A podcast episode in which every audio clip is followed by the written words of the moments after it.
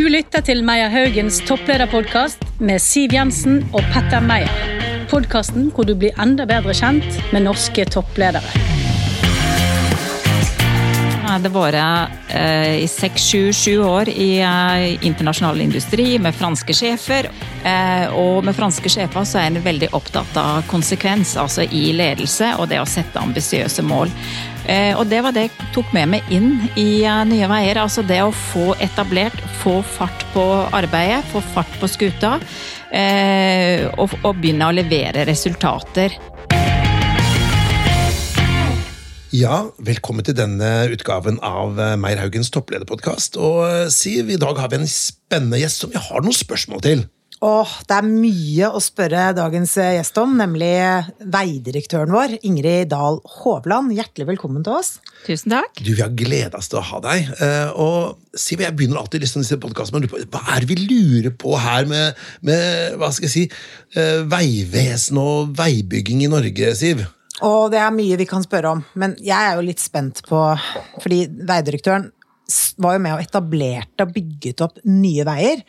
Og så blir hun rekruttert til Statens vegvesen, så jeg er jo veldig spent på hvordan liksom, var det å gå over i Statens vegvesen, som er mye større, antagelig mer tungrodd organisasjon, annen type finansiering. Det lurer jeg veldig på. Ja. Men da venter vi ikke lenger, vi. Hvordan var det? Ja, og jeg har lyst til å begynne med Nye Veier, eh, fordi da kom jeg rett fra industrien. og Det vært eh, i seks, sju, sju år i eh, internasjonal industri med franske sjefer, og hadde Der er et høyt tempo. Eh, og med franske sjefer så er en veldig opptatt av konsekvens, altså i ledelse og det å sette ambisiøse mål. Eh, og det var det jeg tok med meg inn i eh, Nye Veier. Altså det å få etablert, få fart på arbeidet, få fart på skuta. og, og begynne å levere resultater. Og vi hadde et voldsomt trøkk på det, og vi fikk med oss veldig mange gode medarbeidere. Vi klarte å, å bruke sånne som deg, Meyer, i, i å re rekruttere godt inn. Eh, og resultatet kom eh, relativt raskt, vil jeg si, at, at vi begynte å levere ut på veien. Fra det og inn i den muligheten, og få muligheten til å lede Statens vegvesen, der du har både veien, og driften av veien selvsagt, men du har også kjøretøyperspektivet, og du har hele samfunnsoppdraget. Det var en mulighet jeg ikke kunne gå, la gå fra meg. Fordi du Jeg hadde en fantastisk jobb, men det var en mulighet jeg liksom Nå, det her må jeg bare ta. Og så er det klart at kom fra et høyt tempo. Vi hadde levert eh, resultater eh, inn i en etat som hadde tre store reformer som gikk i parallell fra måneden etter jeg starta. Det var omorganiseringen av Statens vegvesen. Altså vi gikk fra fem regioner til landsdekkende divisjoner som var funksjonsorientert, og flytte ut av Oslo det som skulle ut av Oslo. Eh, Vi gikk fra å ha hånd om hele veinettet til å skille ut fylkesveinettet, som, og 1400 medarbeidere gikk over der. Og den siste reformen, som har fått lite oppmerksomhet, det var bompengereformen. Vi gikk fra 70 bompengeselskap ned til fem eh, som vi har i dag, og konkurranseutsatte pengestrømmen fra kjøretøy til, eh, til bil. Eller fra kjøretøy til selskap eller bompengeselskap. Så du kan si at eh, det var en stor oppgave. Eh, og vi var ferdig med omorganiseringen og rett inn i omstilling. Så kom jo pandemien, og det er en annen del av, av historien. Men det å komme fra lettbeint og det å sitte tett på mot et styre eh, inn i en så stor etat, det er klart det er en stor endring i hverdagen.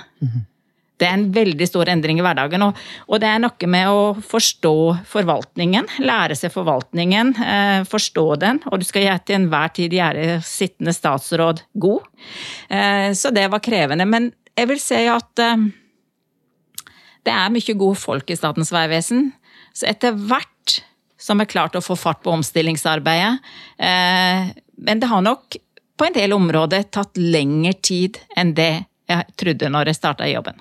Ja, Nå skulle man nesten hatt kamera her, for her har vi en veidirektør som er utrolig engasjert. Og som man sier på fotballspråket, spiller med hjertet utapå drakta. Så åpenbart rett person på rett plass. Eh, Ja, det er litt å ta tak i her, eh, og vi skal kanskje pirke borti litt. Åh, mye, mye å følge opp. Men jeg, jeg ble jo litt nysgjerrig på denne bompengereformen. For jeg er enig, den har fått veldig lite oppmerksomhet. Men har den gitt eh, mer nytte? Altså Får man mer igjen for pengene ved å ha gjennomført den? Jeg er veldig glad for Får at du du mer bom på stilte Veldig glad for å få det spørsmålet, for det er veldig underkommunisert.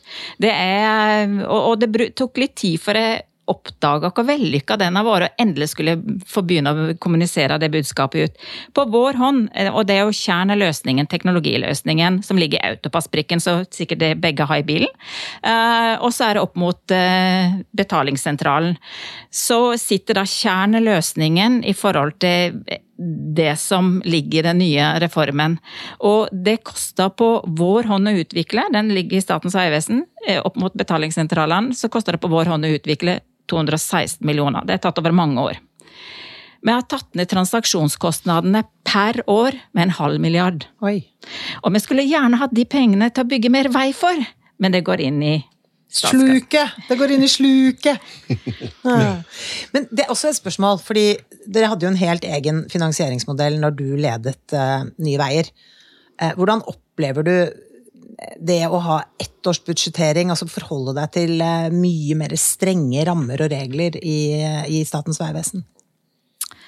Ja, og her må jeg være veldig forsiktig med hva jeg svarer, for det er klart dette her er jo òg et system som nok ligger fra lang tid tilbake i forvaltningen med sin poststruktur. Eh, men det, den muskelen som ligger i det å stadig jobbe med omstilling, det gjør at du skal ha ut resultater i forhold til det insentivet og det du legger inn. Eh, og det å da få til de gode sirklene, sånn at du får mer ut enn det du legger inn, og, og få effektivisering av forvaltningen, eh, det er kanskje den viktigste driveren. Og den har nok en litt annen struktur enn det som ligger i en tradisjonell poststruktur. Det har jeg lyst til å si. Så det å tenke rundt eh, fleksibilitet i struktur for å få til god omstilling og for å levere enda mer på samfunnsoppdraget, det er viktig. For det er jo du er opptatt av når vi kjører bil, det er jo at vi kommer dit vi skal, når vi har planlagt, god framkommelighet, og at det skjer på en sikker måte. Og at vi har gode førerprøver, at vi har gode førere og kjøretøysida. Sånn at eh, det å ha et enda bedre insentiv for å innovere og jobbe med kontinuerlig forbedring i staten, eh, der ligger det et eh, handlingsrom som vi burde utfordre. Ja. Ok, Hva er det grand plan for norsk samferdsel? Altså, sånn, for Du har Nasjonal transportplan, men sånn, hvor legger man lista? Hva er liksom den store historien blant, for norsk eh, samferdsel, og da spesielt på veisiden? Ja, for oss eh, så ligger jo hele porteføljen vår der, og alle aktivitetene. Og den jobbingen i Nasjonal transportplan, det at det nå er trukket fram et år i tid og har lagt litt mer press på arbeid, det tror jeg er riktig grep. Og det tror jeg er et godt grep i forhold til det å måtte jobbe da mer effektivt inn i de prosessene. Så for oss ligger jo hele porteføljen der, og det som er krevende, er jo Selvsagt, når ønsket er mer enn det man har penger til, så blir det press på, eh, blir det press på investeringene. Men det som jeg vil si kanskje den dreiningen som er veldig positiv nå, det er jo at eh, det er mer til drift og vedlikehold. Altså det å sikre de verdiene du til enhver tid har i, eh, i infrastrukturen. Eh, ligge i forkant og ta vare på verdiene og videreutvikle det for framtiden. Vi klarer ikke heller å bygge oss, altså hvis vi tenker på nybygging, å bygge oss ut av enhver utfordring eh, i veisektoren. Så vi må jobbe mer eh, og videreutvikle det vi har.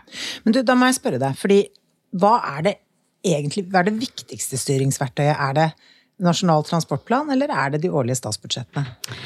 Ja, altså For oss er Nasjonal transportplan er liksom det langsiktige dokumentet. og det er klart at eh, I den sammenheng så må vi jo ha budsjettvedtakene for å kunne effektuere gjennom det som ligger i Nasjonal transportplan. Men jeg vil jo si at eh, jeg syns den nasjonale transportplanen som ligger der nå, det at vi har klart å konkretisere på en del gode områder på en god måte, eh, er viktig. Jeg vil ta ett eksempel. Eh, jeg syns det som nå ligger der på klimakapitlet, altså vi hvis vi går innom bærekraft, så har vi klart å være, eh, og det jobber vi mye med, å være helt konkrete. Med gode tiltak, og det er jo insentivdrevet, den omleggingen, den grønne omleggingen på personkjøretøy er eh, viktig for oss å komme i gang med tungbilsida, som er næringstransporten, forsyningen av landet, som er en st stor utfordring. Eh, og da å klare å konkretisere det arbeidet nå, og det samarbeidet vi har fått til opp mot Enova, den er jo ute en konkurranse der nå, men det å hele tiden klare å legge inn konkrete tiltak, eh, det er viktig. Og der syns jeg vi har kommet et skritt lenger på klimasida. Og så er det porteføljestyring. Det å se lange strekninger under ett i Nasjonal transportplan, kjempeviktig, for da kan vi kløstre mer av vår portefølje inn mot de lange strekningene, og da målet på framkommeligheten er framkommeligheten blitt bedre på E134 de siste årene? Ja, tiltaket viser at det er det, og her er det viktig å måle og følge opp, sånn at leveransene kommer fra oss som drifter eh, i forhold til de investeringene som er lagt inn over tid. E134 var den flotteste byen den går gjennom. Vet du hvilken by det er? Notodden, tenker jeg. Yes, nå er du god! Dette er veldig flott at uh, veidirektøren vet å kjenne sin uh, kulturarv og verdensarv. Det er tipp topp. Men uh, hvis du tenker deg sånn penger, da. Går mest til vedlikehold, eller går til nybygging eller oppgradering? Altså, Hvordan, som, hvordan blir penga brukt her? Ja, det er Altså, det går jo Det er jo størst investering altså i, i, i, nybygging, men det at en har kommet etter den siste perioden og kommet etter med drift og vedlikehold, er viktig for å verdisikre det vi har. Og så er det òg et grep som jeg mener er veldig bra. Eh, det er jo at vi i større grad eh, disponerer altså under en milliard, altså det er mindre tiltak eh, på nye strekninger, og kan da rette tiltak raskere på, altså i forhold til sikkerhet eller framkommelighet for å forbedre det for veibrukeren. Så det, der er det blitt en viss fleksibilitet som vi heier på. Ja, ja. Men, men, du må jo ha kjent ganske mye på sårbarheten rundt eh, infrastrukturen vår med tanke på flommer og ras og mye vær og klimaendringer og alt sånt. Um, um, ville noen av de eh, ja, sammenraste broene og sånn kunne vært unngått hvis de var bygget i dag? Ja, eh, her skal en jo være litt eh, forsiktig med å svare et bastant ja, men jeg, langt på vei så vil jeg nok si det. Og det, det er litt ut ifra det arbeidet vi har gjort de tre-fire siste årene. Vi må bygge opp systemkompetansen, sånn at vi kjenner tilstanden på det vi har ute i veinettet. Det er 600 tunneler, det er så og så mange broer, så og så mange veistrekninger som ser sånn ut den tilstanden kan du i dag med moderne teknologi, og, det med å bruke egentlig hverdagen, gitt at vi klarer å bruke dataene på, den beste måten, ha god oversikt over.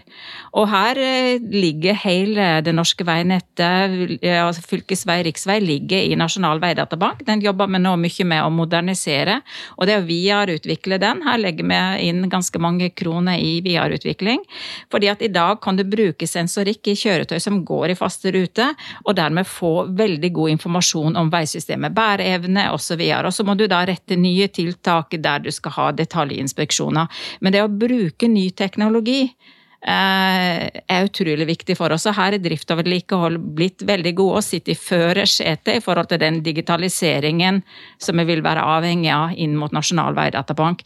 Og det, eh, her har vi skrudd sammen et ganske stort omstillingsprosjekt hos oss, eh, som går på å skape forutsigbarhet i, i veisystemet, sånn at det ikke skjer. At en bro raser sammen, at vi Altså, det skal jo ikke skje. Det er liksom utgangspunktet. Mm. Både i forhold til sikkerhet, men ikke minst i forhold til eh, framkommelighet. Mm. Men hvis man da ser på dette med teknologi, da, så hvis man tenker på den store utbyggingen er, er Vestkorridoren eller fra Oslo, altså mellom Oslo og Drammen, mm. så er jo det kanskje de største veiutbyggingsprosjektene man har i landet for øyeblikket, med masse man kjøper opp eiendom på hver side og mye jobb. da. Det ser veldig proft ut, gjør det ikke det? Jo, jo, det, det er seks-sju veiomlegginger med en årsdøgntrafikk på 80 000-90 000 som du ikke merker. Ja, ja. Nei, og jeg, ja da, det, er jeg helt enig i. Så mitt spørsmål var primært i den retninga at eh, hvis man tenker da, ikke sant, eh, hjemmekontor, man tenker kanskje selvkjørende biler, man tenker en del sånn demografisk utvikling. I hvor stor grad tar man hensyn til denne type ting når man kjører en sånn stor utbygging. For man, tenker, man, kan tenke seg at om noen år så kan man ha selvkjørende biler som kjører mye tettere. De fleste jobber på hjemmekontor uansett. Så er det nødvendig med den type store utbygninger som er så kostbare? Jeg tror det er veldig viktig det du trekker fram, eh, det med automatisert kjøring. Eh, det med hjemmekontor. Og det er trender som vi helt klart ser eh, i trafikken, og ikke minst i bilproduksjon for øvrig. Men det vi må løse by og land eh, litt forskjellig, og by er by. Det som òg skjer på E18, er jo at du tilbakefører viktig areal til, til god byutvikling. Det er òg et grep her. Du får bedre framføring av kollektivtrafikk, du får en rutebilstasjon. Altså det er mange ting her knytta til kollektiv som blir en enorm forbedring i forhold til sånn som det er i dag. Eh, så det er klart at det å se hele trafikant, altså alle trafikantgruppene samla inn mot by, det er viktig. Også det å legge til grunn eh, et grunnlag for god byutvikling. Så jeg vil si grepet rundt E18 er først og fremst by- og tettstedsutvikling. Men, men blir ikke, altså det kan godt jeg bare misforstått, men jeg trodde man skulle ha økt kapasitet, altså flere filer, at det blir et breiere, større vei. Eh, nettopp for å få mindre køer, da, både av privatbilisme og også av kollektivt. Men uansett så er framtiden altså Utviklingen for framtiden betyr at vi må eh, strupe mer av trafikken i by. Altså du skal ta flere eh, over på kollektiv inn og ut av by. Eh, mm. Mer over på gang og sykkel i tillegg. Eh, sånn at det å sikre god byutvikling er viktig det, det, er liksom det som er hele kjernen i, den, i, det prosjektet. Og eh, kapasiteten er egentlig ikke en diskusjon opp mot det å sikre god by, men du skal òg ha gjennomgangstrafikken, da. Mm. Ja, AI bruker jeg, og alle prater om det. da. Hvordan tar eh, dere i deres organisasjon i bruk eh, AI? Ja, det er jo både i interne prosesser og i eksterne prosesser. Men inn mot uh, trafikkstyring, inn mot uh, der du hele tiden skal betjene opp mot et stort apparat. Altså, vi, vi har, på en del områder så har jo vi utrolig uh, mange altså På Nasjonal veidatabank så har vi millionvis av spør spørringer hver eneste dag. Så det å bruke mer AI inn i alt som går på det å svare ut mot teknologien i, i transportsystemet, det er viktig. Og her er vi i gang med altså det vi kan bruke i forhold til prediksjon. og Det går først og fremst på det nære mellom asfalt og kjøretøy. Altså det å kunne eh, ligge i forkant og dermed skape god oppetid på veinettet for kjøretøyet. Så det, det, er på det området vi jobber mest med AI i, i dag. Og så har vi veldig mange data som vi da må gjøre tilgjengelig og for tredjepartsutvikling. Du, jeg må stille ett spørsmål til før vi begynner å snakke Nå om eh, ledelse. Nå hopper Siv her. Altså, her I dag skulle vi hatt kamera. Altså, det, så, ja, ja, nei, men nå, nå, skal jeg si Det er kanskje litt flåste, men alle vi som er bilister, sitter jo og irriterer oss eh, Det er kanskje to ting vi irriterer oss over. Det ene, det er Hvorfor tar det så lang tid å bli ferdig med disse prosjektene? Det, er kø, og det er innsnevringer, og det tar sånn tid. Så Det er det ene vi ofte sitter og irriterer oss over bak rattet.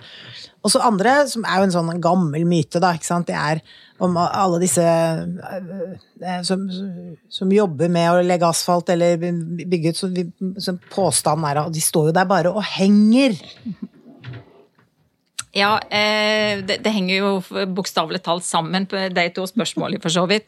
Eh, men jeg tror det første spørsmålet, altså knytta til eh, det å gjøre utbedringer og ikke hindre trafikken, der har vi hatt et stort forbedringspotensial som vi har jobba mye med. Bare det å kjenne vår egen aktivitet, sånn at ikke du legger dublerer langs en lang veistrekning. Og spesielt for næringstrafikken har dette her vært et stort irritasjonsmoment. Det har tatt litt tid, eh, fordi at du må legge opp alle sløyfene og måten vi jobber på, på, på, på ny. Og så er det Jeg vil vel si at her er det òg litt med kult, litt kulturelt. Altså, vi må gjøre det her. Ferdig snakka, dere får vente. Altså, det å, å snu etaten eh, til å bli kundeorientert og være opptatt av å øke sikkerheten og øke framkommeligheten der ute i alt vi gjør, Det har nok vært en kulturreise. Så til å begynne med så fikk jeg ikke lov til å bruke kundebegrepet, men nå er det godt innarbeidet i hele etaten. Så det er noe med å, å, å få det til. Det, det har tatt litt tid. men utrolig viktig perspektiv, det som trekkes opp. Bra for Statens vegvesen å ha fått en innovativ dame på Du, toppen. jeg blir så glad Ja. når du sier det. Ja. Først så tenkte jeg at det spørsmålet kanskje litt frekt. Men så tenkte jeg nei, men du svarer jo på en utrolig god måte. Ja, ja, men det, Du kjører jo sikkert bil sjøl, du også. Du står litt i samme køene som vi andre. Tenker du, faderland. Nei, men du, Dette er jeg veldig glad for. for og, og det gjelder også private bedrifter. kan være slitt litt med kundebegrepet. altså, det er ikke det jeg skal si, Men ofte hvis du da får en bevilgning over et, over et tildelingsbrev eller statsbudsjettet, så kan den kundetanken være litt fjern, da. Sikkert for noen, da. Men nå skal vi prate om topplederskap, Siv. Siv. Og eh, dette med toppledelse eh, Det er noen som kanskje sier at toppledelse høres jo nesten litt sånn elitistisk ut, men hva tenker du rundt begrepet topplederskap? Ja, jeg syns det er litt vanskelig begrep å på en måte identifisere seg med i, i ulike sammenhenger. Men altså, jeg har tenkt at jeg må liksom legge mitt innhold i det. Eh, og, og for min del så er det det å få, få muligheten til å levere resultat eh, sammen med teamet mitt, det, det er på en måte det som har vært min driver hele tida. Eh, I vår, vår familie så er brettspill en heftig eh, konkurranse, for å si det sånn. Eh, Det å levere resultat, også det å levere på samfunnsoppdraget, eh, det er kjempespennende. Så, så det å få, få den muligheten til å lede det gode teamet leder nå, det er toppledelse for meg. Altså da jeg har verdens beste lederteam, og ikke prøve å ta noen av dem, for det er avhengig av den gode lederen de har. Ja, ja. vi skal se hva vi får gjort med det. Men øh, hvis du, når tid tenkte du selv at åh, jeg tror nok topplederskap, eller i hvert fall, i hvert fall lederskap, det er min vei her i livet? Når tid kom du på den tanken? Nei, jeg har egentlig aldri øh, tenkt liksom på den måten på det, men det å få Jeg har tatt de mulighetene når jeg har blitt spurt, eh, og det å få muligheten til å, å lede et arbeid og levere resultat. Det er liksom det som er, eh, som er driveren i alt jeg gjør. Eh, så, så for meg eh, å være toppleder hvis ikke det er utfordringer, eh, eller ikke sånn får muligheten til det, så tenker jeg at da tror jeg jeg hadde funnet på masse rart. Ja, ja. Men Tror du at du kunne ledet hva som helst? Nei, det, det tror jeg ikke. Jeg kunne nok eh, Men jeg, jeg har tenkt noen ganger at eh, det er en del industrier som jeg syns kunne ha vært spennende å være inne i. Eh, Når jeg ser på den utviklingen som har vært på havbrukssida, bare for å ta det de siste 15 årene, så er det en veldig spennende industri. Altså Hvis jeg skulle ha starta på nytt igjen, så ville jeg nok ha tenkt sånn så, så det, det, å få muligheten til å skape verdier, levere verdier, det er det, er det som er driveren. Ja. Hvis du tenker på dette med å være toppleder, da, eh, hva tror du er den store forskjellen med å være toppleder og da, la oss si, mellomleder? Ja, jeg, jeg har jo vært mellomleder, jeg, mange, og det er sikkert uh, mange som har ulike tanker om det, men uh, den, den største forskjellen er jo kanskje det at du, du sitter på en måte i et i et team på en litt annen måte når det er mellomleder. Men jeg, jeg vil vel si at mange av driverne mine og måten å jobbe på er nok ikke så veldig endra fra de periodene jeg satt som mellomleder. Nei. Men det å ha liksom det øverste ansvaret det vet vi jo, ja, Du har jo hatt øverste ansvar i et departement, Siv, mm. men det var jo alltid, i ditt tilfelle, Erna, da. Erna Solberg. som da kanskje hadde siste ordet hvis det dro seg litt til.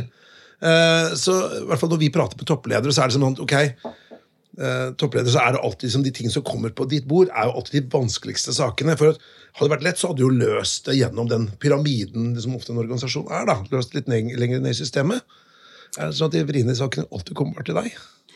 Nei, altså for meg så handler det veldig mye om å klare å, å ligge godt i forkant, sånn at du, du, har på en måte den gode dialogen uh, underveis, altså i måten du løser saker på. Jeg, jeg, tror nok jeg jobber veldig transparent og bredt. uh, i måten å jobbe på. Og så er det jo det og Du har jo alltid gode samtalepartnere. Jeg har jo i dag både departement og mange og Altså det å ha de gode dialogene, enten det er oppover eller i ditt eget lederteam, det er alltid viktig. Og så er det enkelte saker som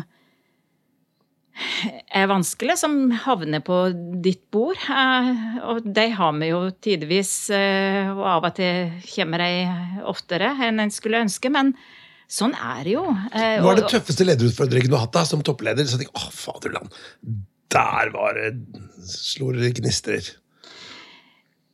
Ja, det er mange. Men jeg vil vel si det sånn at det jeg har kjent på mest Altså, jeg, jeg er litt sånn at uh, det er på en måte Det kan du få gjort noe med. Det får du ikke gjort noe med. Så du må på en måte klare å, å skille litt i forhold til hva du tar innover deg eh, og tar tungt. Det er vel de sakene der jeg, jeg, ser helt tydelig at det her kunne du ha gjort noe med mye før. Mm. Du, du er litt, litt sånn selvkritikk, da? Eller sånn du sier, oh, her var jeg litt slapp, eller? Ja, og, og det, men det som er viktig uh, i den sammenheng, det er at du lærer det hva var det som egentlig skjedde. For jeg syns ofte så er klarer du å ligge tilstrekkelig i forkant og liksom ha dialog rundt det som kan bli store utfordringer, så har du et mye større handlingsrom til å gjøre noe med det.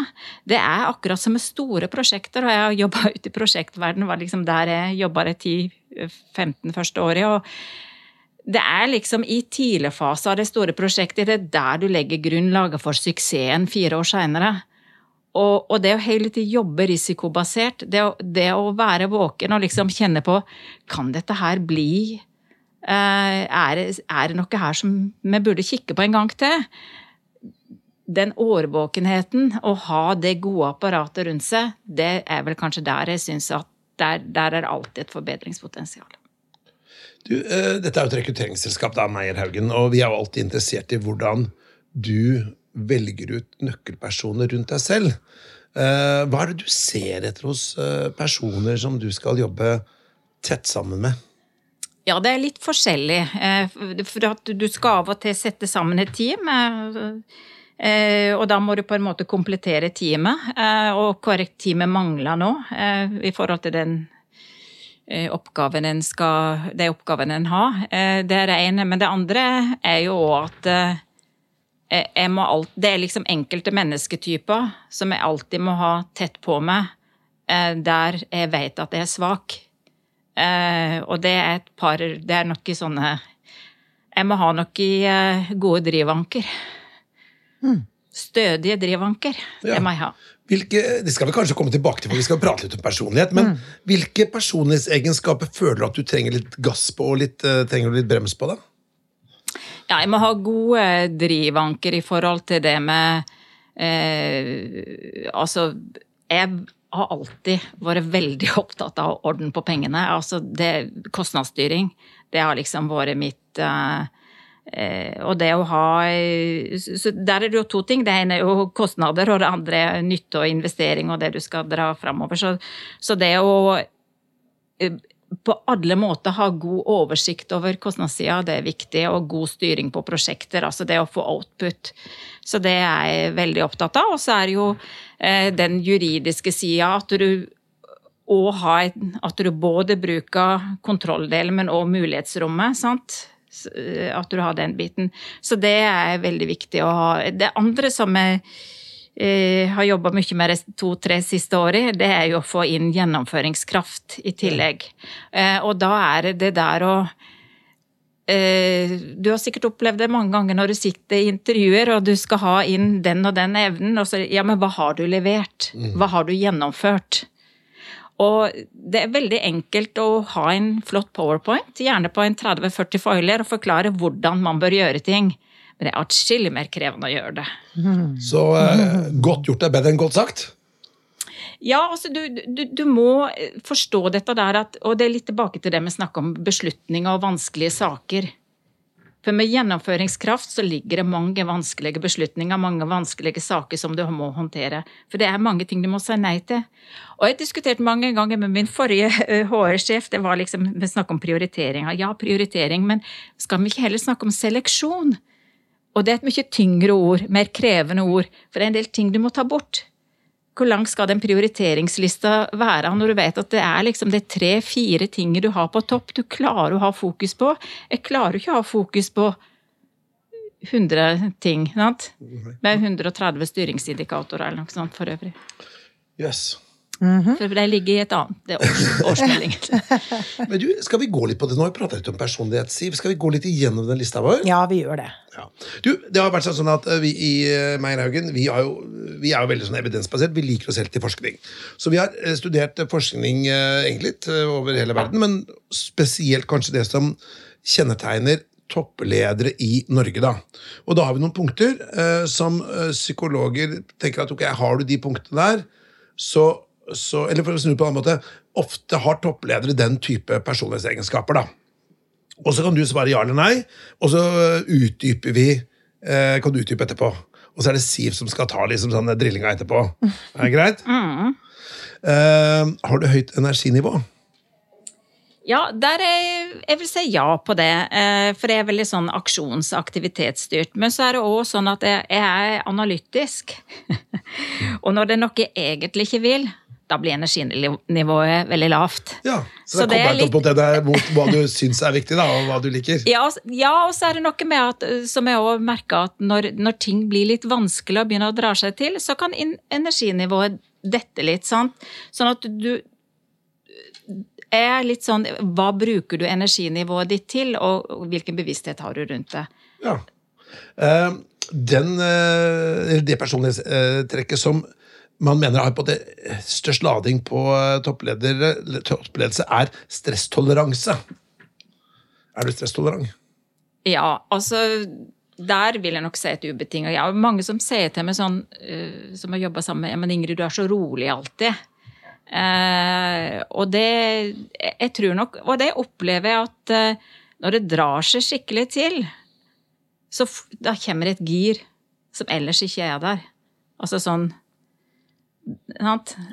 Og det Så, så ja, jeg, her vil jeg si Altså, jeg, og, jeg, og motsatt så vil jeg si at eh, hvis ikke det er stress, så, så detter òg prestasjonene mine. Ja. Selvtillit? Ja, den er litt verre. Ja. Du kan, komme, kan godt komme tilbake til det. Altså, vi kan bare gå gjennom Eh, lista. Nei, altså, ja. jeg trenger ikke det. Altså, jeg tror jeg er relativt høy selvinnsikt, men jeg er, Ja. nok egentlig, jeg er nok egentlig beskjeden. Det har tatt meg 40 år å oppdage, tror jeg. Ja. Men eh, jeg er litt Altså, sogninga er litt sånn Du skal jobbe hardt, du skal levere, og så ferdig. Så er det neste oppgave. Det, det er veldig sånn hardtarbeidende Først folkeslag. yte, og så nyte. Ja. Ja, Så, jeg- så, du, så, så jeg er ikke sånn at det liksom Selvtillit kan jo være litt sånn eh, kan, Litt sånn spradebass, tenker jeg da. Ja, Tveget sverd. Eh, mener du at du har stor påvirkningskraft på dine omgivelser? Ja. Eh, resultatfokusert? Ja, det Overbevisende? Ja, det- er nok litt sånn Det kommer litt an på hvilken side du ser det fra. Eh, Jeg tror av og til jeg kan ha en litt for eh, aktiv strategi inn. Du må jo skjønne at det skal være sånn. Ja, ja. Så Nå, nå så du litt overbevist ut. Jeg ble nesten litt redd, jeg. Men er du hensynsfull, da? Ja, jeg er det. Eh, Men det, jeg tror det tar litt tid for folk å oppdage. Ja. Besluttsom? Optimistisk? Ja, eh, jeg pleier å si at eh, jeg er teknologioptimist når vi diskuterer, eh, diskuterer bærekraft, og det, det trenger vi nok. Jeg er nok optimistisk. Jeg er ikke negativ. Jeg, vil si at det kanskje Men jeg er nok òg en sånn veldig pragmatisk person. Eh, så eh, Jeg tror ikke på julenissen, altså. Nei. Siv, du som er psykologen av Onsto. hva, hva skal vi gjøre? Hva tenker du her? Nei, jeg syns hun eh, argumenterer veldig godt eh, på alt sammen. Jeg tenker kanskje eh, i forhold til liksom spørsmål om selvtillit og sånne ting, så, så, så hører jeg jo et forsøk på å være veldig ydmyk. Altså Man snakker seg litt rundt det og finner eh, litt andre begreper og sånn, fordi man opplever altså, Jeg tror i hvert fall da at du opplever at ordet eh, selvtillit eh, er litt ladet. Eh, men det, jeg er jo ikke i tvil om at du har masse selvtillit. Mm. Du bare velger å formulere deg på en annen måte. Tar jeg feil da? Ja, det var kanskje en god uh, Ja. observasjon. Jo, for, for Forskningen sier på at hvis du er toppleder og har lav selvtillit, så har du jo liksom tenkt på at å nei, hvorfor skal jeg være toppleder? Man kommer jo aldri i posisjon, for da vil man jo si nei hele tiden. eller det er andre som er best, eller noe, men også tror jeg det skinner litt igjennom hvis det drar seg til også. Dette har man tro på, liksom. Litt i forhold til overbevisningskraft. tror du ikke det? Jo, så, jo, jo, absolutt. Men så tror jeg jeg opplevde en litt sånn eh, De to første spørsmålene, energinivå og stresstoleranse, så hørte jeg egentlig Jeg tror jeg hørte deg si at du var litt kanskje konfliktsky. Nei, jeg er nok går jo inn i konflikter, men jeg, jeg er analytisk, så jeg, jeg liker nok å bruke litt tid og, på å nærme meg utfordringer som jeg Jeg liker å Jeg er analytisk. Jeg tror ikke jeg er konfliktsky. Det, jeg tar de Jeg liker nok å ta fightene når det er der. Og, men det å være godt forberedt inn i de viktige fightene, det, det, det er viktig. Ja, Det er ikke så dumt heller, da, Petter. Nei, jeg synes også det. Men det som er interessant med denne lista, er at når man sammenligner med ulike land, så er den er ganske lik. Men hensynsfull er, er, en, er et personlighetsegenskap som er viktigere da, i Norge og de skandinaviske landene, hvor du har en mye mindre sånn autoritær lederkultur. da. Jeg tenker Hvis du hadde smelt i bordet hver eneste dag for ledergruppa di, så hadde nok fått litt eh, da hadde nok rekrutteringsselskapene fått litt mer å gjøre. da. Liksom for, folk, for Kunnskapsfolk gidder jo ikke å finne seg i det, i hvert fall ikke i Norge. Nei. Mens jeg tror man tåler det litt mer i hierarkiske miljøer, hvor også lønningene og godene er så mye høyere. ikke sant? Du, du, du tar, eh, du tar liksom eh, mer dritt, da. Kan annet gjøre. Men det er jo viktig å være altså, i forhold til mine nærmeste ledere. altså Det å liksom se folk rundt seg, det, det er det jeg ligger i det. altså det å, Du må liksom vise hensyn altså i forhold til ja, folk har familie og folk har sånn og sånn. Men jeg tenker nok at jeg har hatt sju år med franske ledere. Så det å være mer konsekvent i ledelse, det, med, det er nok en del av kulturen som jeg gjerne kan bli bedre på i Norge. Fordi at hensynsfull kan også tendere over i at du blir sendrektig i forhold til det å gi en medarbeider mulighet til å finne seg noe annet, eller gjøre noe annet i et annet rom eller annet miljø. Sant? Så det er jo noe med å se hele bildet her. Så hensynsfull drar seg også fort over til å bli noe annet. Ja.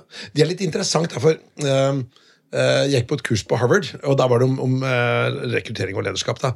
Og da eh, spurte læreren ja, er det noen temaer dere i har lyst til at vi skal ta opp. Og så sa vi liksom, okay, den vanskelige samtalen, så prøvde jeg å forklare liksom, hva vi mener med det i Norge. da. Og da holdt de på å lese i hjel, de amerikanerne, ikke sant? for det var jo bare å sparke de, liksom. Eh, så, men der var det jo veldig sånn typisk av sånn fire or hide, var tankegangen der. Og jeg tror nok den norske eller skandinaviske ledestilen som har fått en del eh, lovord opp igjennom, den funker kanskje primært i Skandinavia. Men den funker ikke så mange andre steder, for det er tøffere klima. ikke sant? Så hvis du ikke er tøffere med de som ikke funker, så sant? Hvis du er en leder, så, så sier Sadi Powert fokuser på de flinkeste. Det er de som har attentionen din. Ikke, de, de som er, ikke prøv å løfte de som er på 20 til opp til 40 Ta heller og Pass på at de på, som er på 200, kan gå opp til 300, da, og at de ikke slutter. liksom da. Så det er litt ulik syn på lederskap. da. Ja, men du kan òg bruke akkurat den innfallsvinkel innfallsvinkelen som du hadde der mot omstilling og endring. Eh, fordi at i endringsprosesser så skal vi gjøre noe annet enn det vi gjør akkurat i dag, og det berører mange, kanskje flere hundre. Og da er det òg det der å fokusere på de som har forstått at nå, nå, går, nå går skuta fra land. Sant? At, du, drar med, du drar med de, og så får du resten med etterpå. Så det er nok med å bruke den kraften som ligger faktisk i det. Altså, hen skal du sette inn ressursene dine i forhold til det å lykkes? Så det, det er viktig i mange sammenhenger, akkurat det der. Du, Dette kunne vi jo prata om hele dagen. Åh, Jeg syns det er så spennende, dette med rekruttering og lederskap og organisasjonsutvikling. Siv, eh, hvis vi skal gå inn litt for landing her, eh, fikk vi svar på noen spørsmål vi hadde rundt dette med effektivisering og Å ja. Bygging av vei? Ja, jeg fikk svar på masse, men jeg, vi kunne jo sikkert ha holdt på i flere timer til. Jeg tror eh, også lytterne syns det er spennende å høre litt om eh, hvordan dette, disse prosessene egentlig foregår. Men jeg opplevde at vi klarte å bli bedre kjent med veidirektøren gjennom denne podkasten. Ja, og hvordan det er å være direktør. Jeg, og, og som jeg har sagt til deg flere ganger, siden, det er at jeg blir så glad, for jeg har jobbet så mye i offentlig sektor selv, og at man har så flinke personer som er leder for noen av de viktigste institusjonene i Norge. At ikke det liksom er B-laget blant ledere, men at nettopp at det er bare å velge på øverste hylle når man skal ha folk som skal forvalte dette store samfunnsansvaret som dere har, og, og folks sikkerhet og, og, og penger. da. Så jeg må si Well done. Hyggelig å prate med deg. Veldig inspirerende. og Det skal jeg tenke på neste gang jeg setter meg ut i bilen min. Kjøre på en god, trygg og køfri vei i Oslo-området. Og ha begge hendene på rattet. Ja, men når du har selvkjørende bil, så trenger du ikke det. men tusen hjertelig takk. Du har lyttet til rekrutteringsselskapet Meyer Haugens topplederpodkast. Vi produserer også Rekrutteringsrådet og stillingspodkaster. Har du forslag til gjester eller tema vi bør snakke om, gå inn på vår Facebook-side Meyer Haugen.